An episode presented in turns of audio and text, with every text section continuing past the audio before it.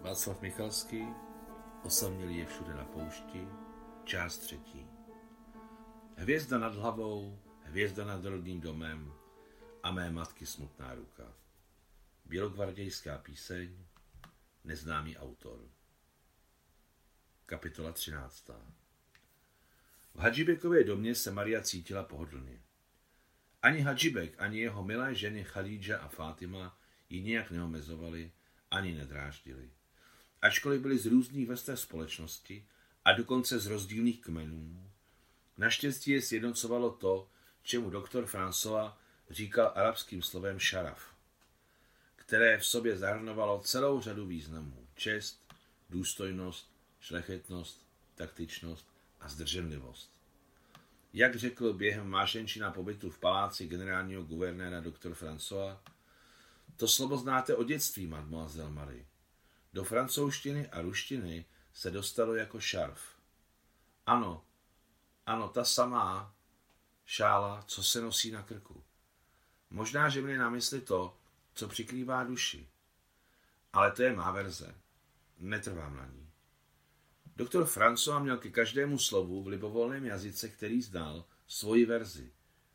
A díky tomu bylo jeho vnímání světa závidění hodně široké, krásné a vždy smysluplné tím nejneočekávanějším způsobem, poodkrývajícím podstatu mnoha slov, jejich dřeň.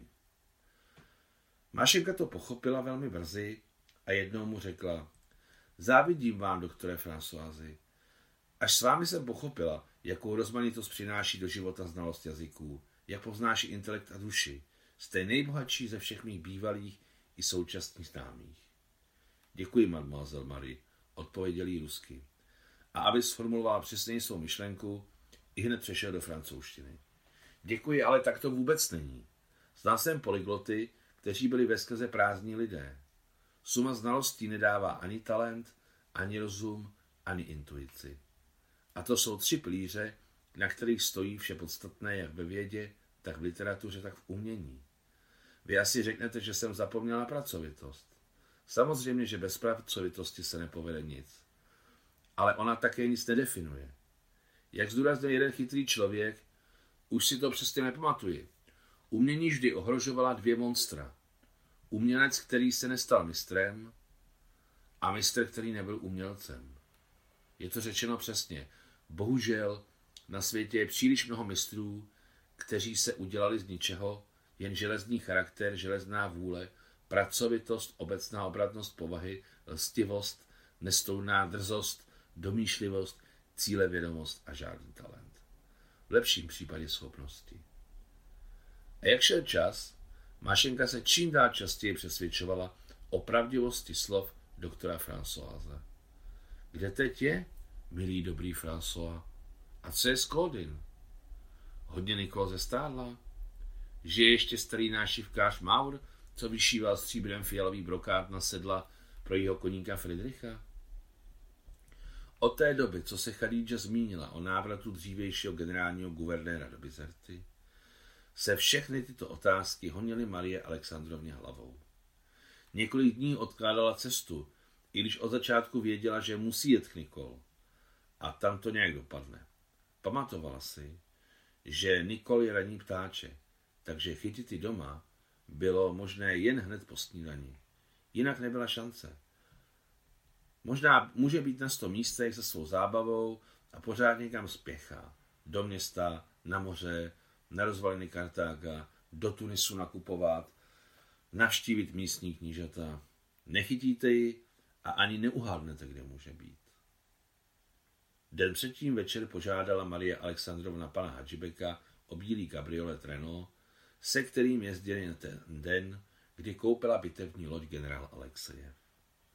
Řekla, že si chce zaskočit do Bizerty, podívat se na svou loď.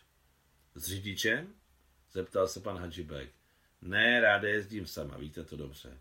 Jak si přejete, mademoiselle Marie? Vidím vám ve tváři, že jste vymyslela něco velmi zajímavého. Chtěl jste se mnou pro každý případ poslat dozor?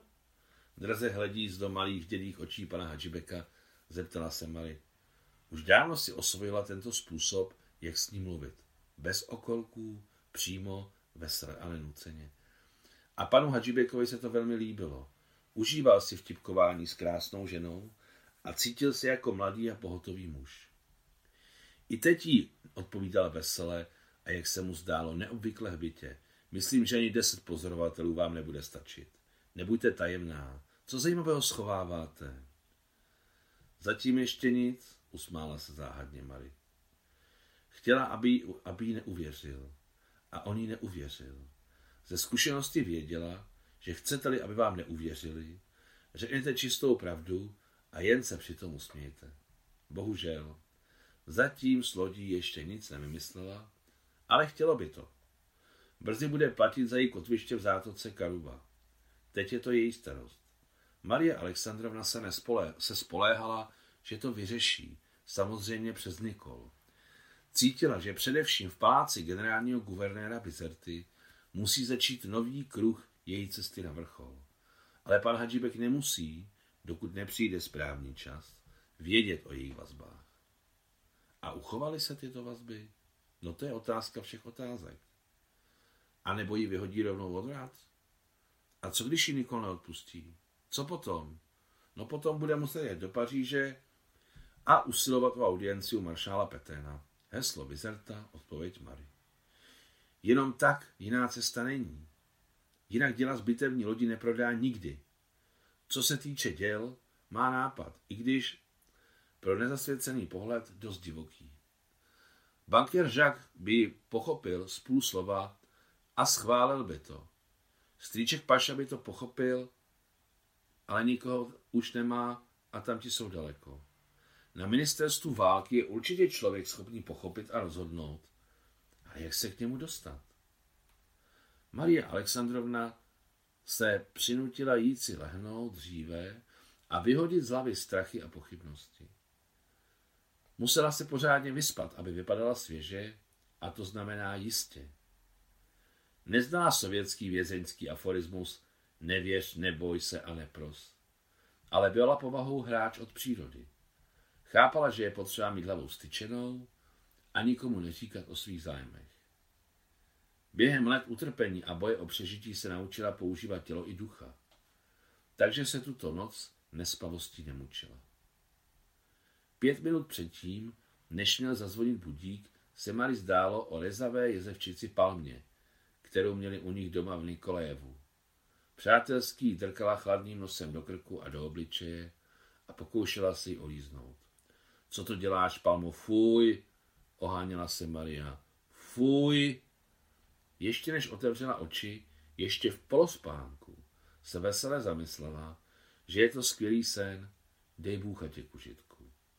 A nakonec si probudil zvučný smích malých Musy a Sulejmana, kteří si již dávno hráli v její široké posteli, lechtali pod bradou a líbali na tváře krk a víčka. Když mírně pootevřela oči, uviděla své svěřence v celé kráse. Takový malí černolci andílci v bílých pelerinkách.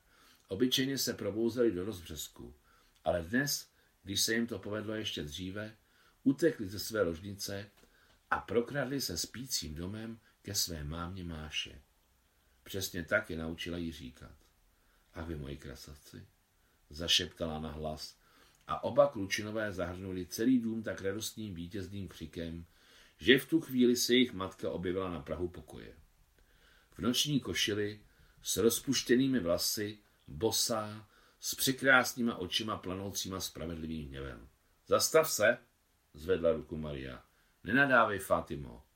Díky nim se mi zdá krásný sen. Dobré ráno, děti. Dobré, odpovídali zborově rošťáci rusky. Marin úmysl s ruštinou slavil úspěch. Chlapci švatlili rusky tak plyně jako arabsky a o dost lépe než francouzsky. Maria je vzala do náručí a začala pusinkovat jejich šibalské snědé obličejíčky. Mňám vy tak krásně voníte. Vy jste moje zlatička. Pojďte, zaspíváme si. Raz, dva, tři. A v tu chvíli zazvonil budík na nočním stolku.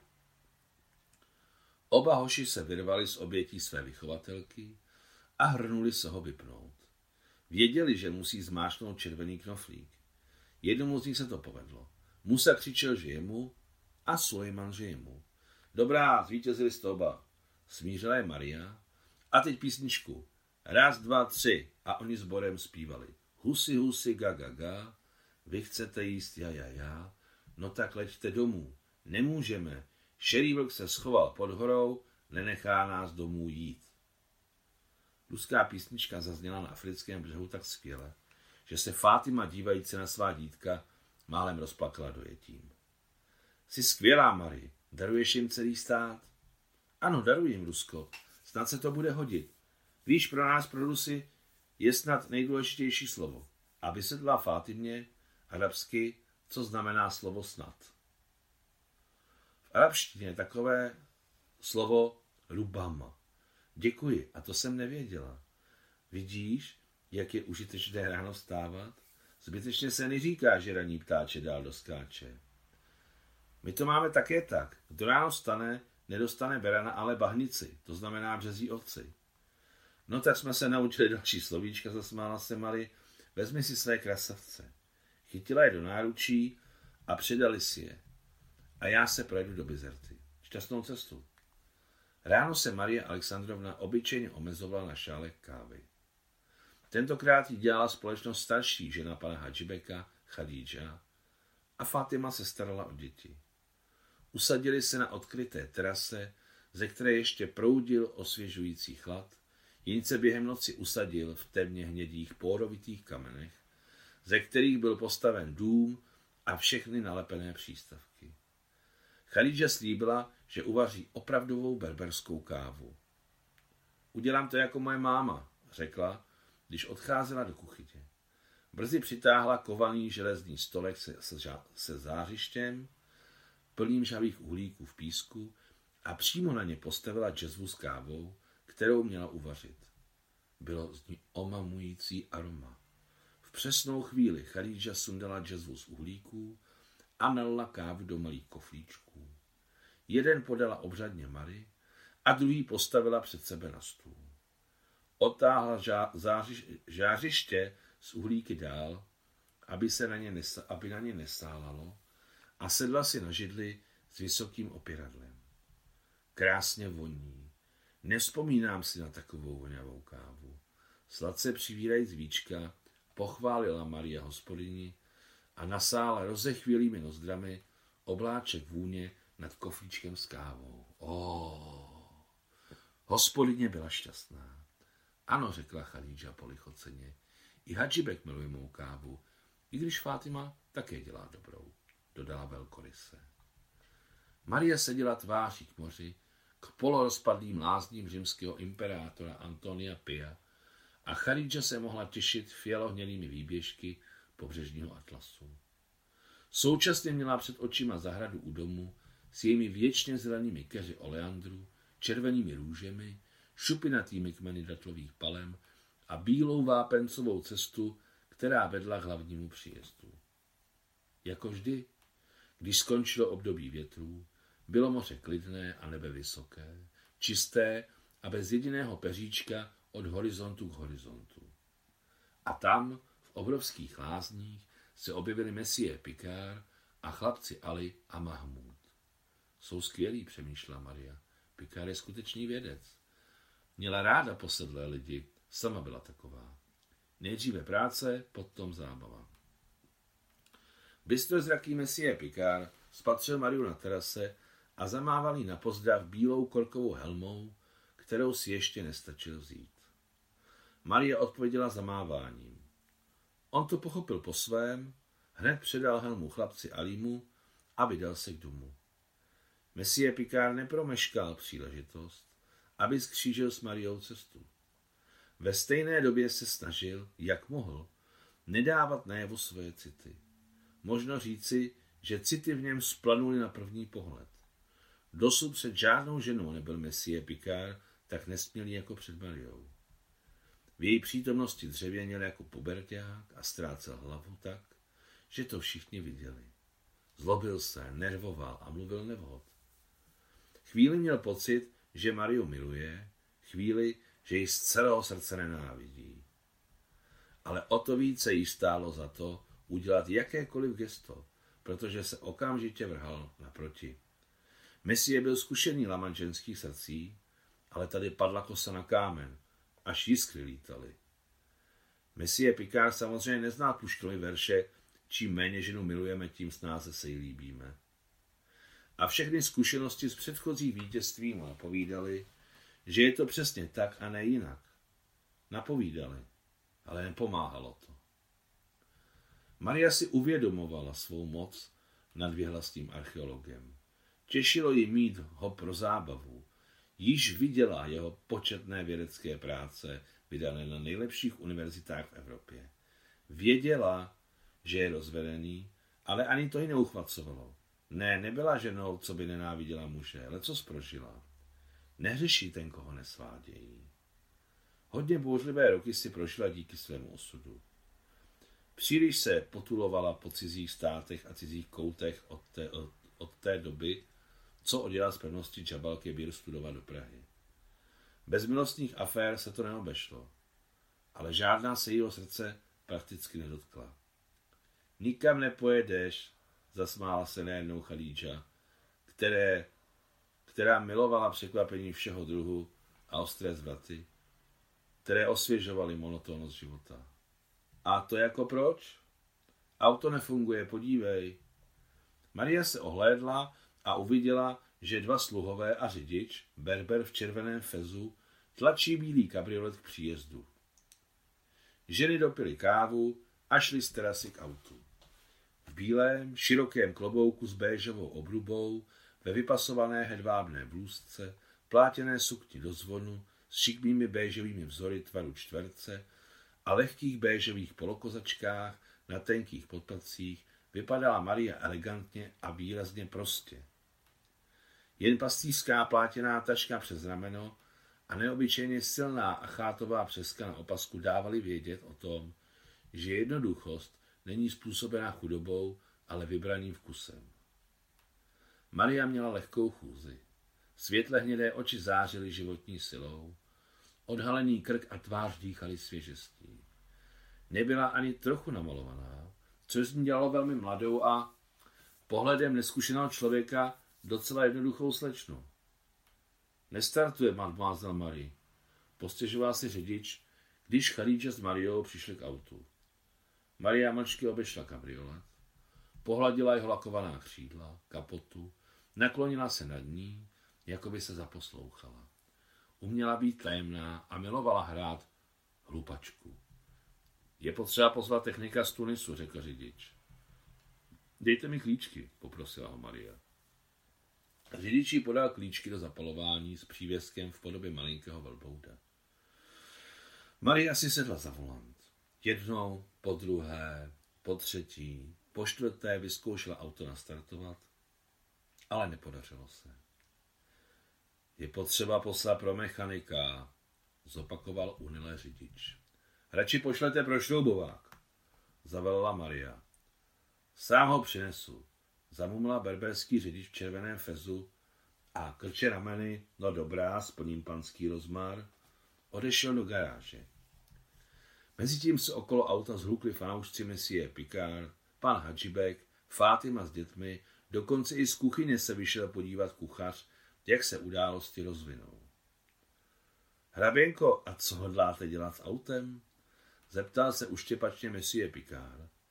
Za jeho širokým pasem byly připevněny látkové rukavice. Jeho rukama procházely stovky kilogramů úlomků cihel a kamenů. Řidič přinesl sadu šroubováků a otevřel kapotu. Marie došla štěstě k Messie Picardovi, mrkla a bytě vytáhla spoza opasku rukavice. Mohu si je půjčit, Messie? No, no, zaraženě zamumlal archeolog. Maria si vybrala potřebný šroubovák, oblékla si rukavice, vyšroubovala šrouby na krytu rozdělovače, sundala kryt, seřídila vůli mezi kontakty, která byla příliš malá. Vrátila kryt na místo a zašroubovala. Sadu šroubováku hodila na podlahu auta, rukavice předala s úklonou Messie Pikárovi, skoro se nezašpinili. Archeolog si převzal rukavice a nevěděl, co říci. Zavři kapotu, zavolala Maria řidiči. Ten poslechl. A v tu chvíli sedla Maria za volant, zabouchla dveře a otočila klíčkem. Motor nastartoval na půl plynu. Zvedla ruku nad hlavou, Cezar vás zdraví. Stroj se plavně odrazil z místa. Aplaus, výkřiky bravo a vítězný vřískot jejich malých svěřenců se vzdaloval za zády. Maria nepovažovala za nutné se obracet, ale jen přidala plyn. Bílý kabriolet letěl střemav po bílé cestě. Konec 13. kapitoly.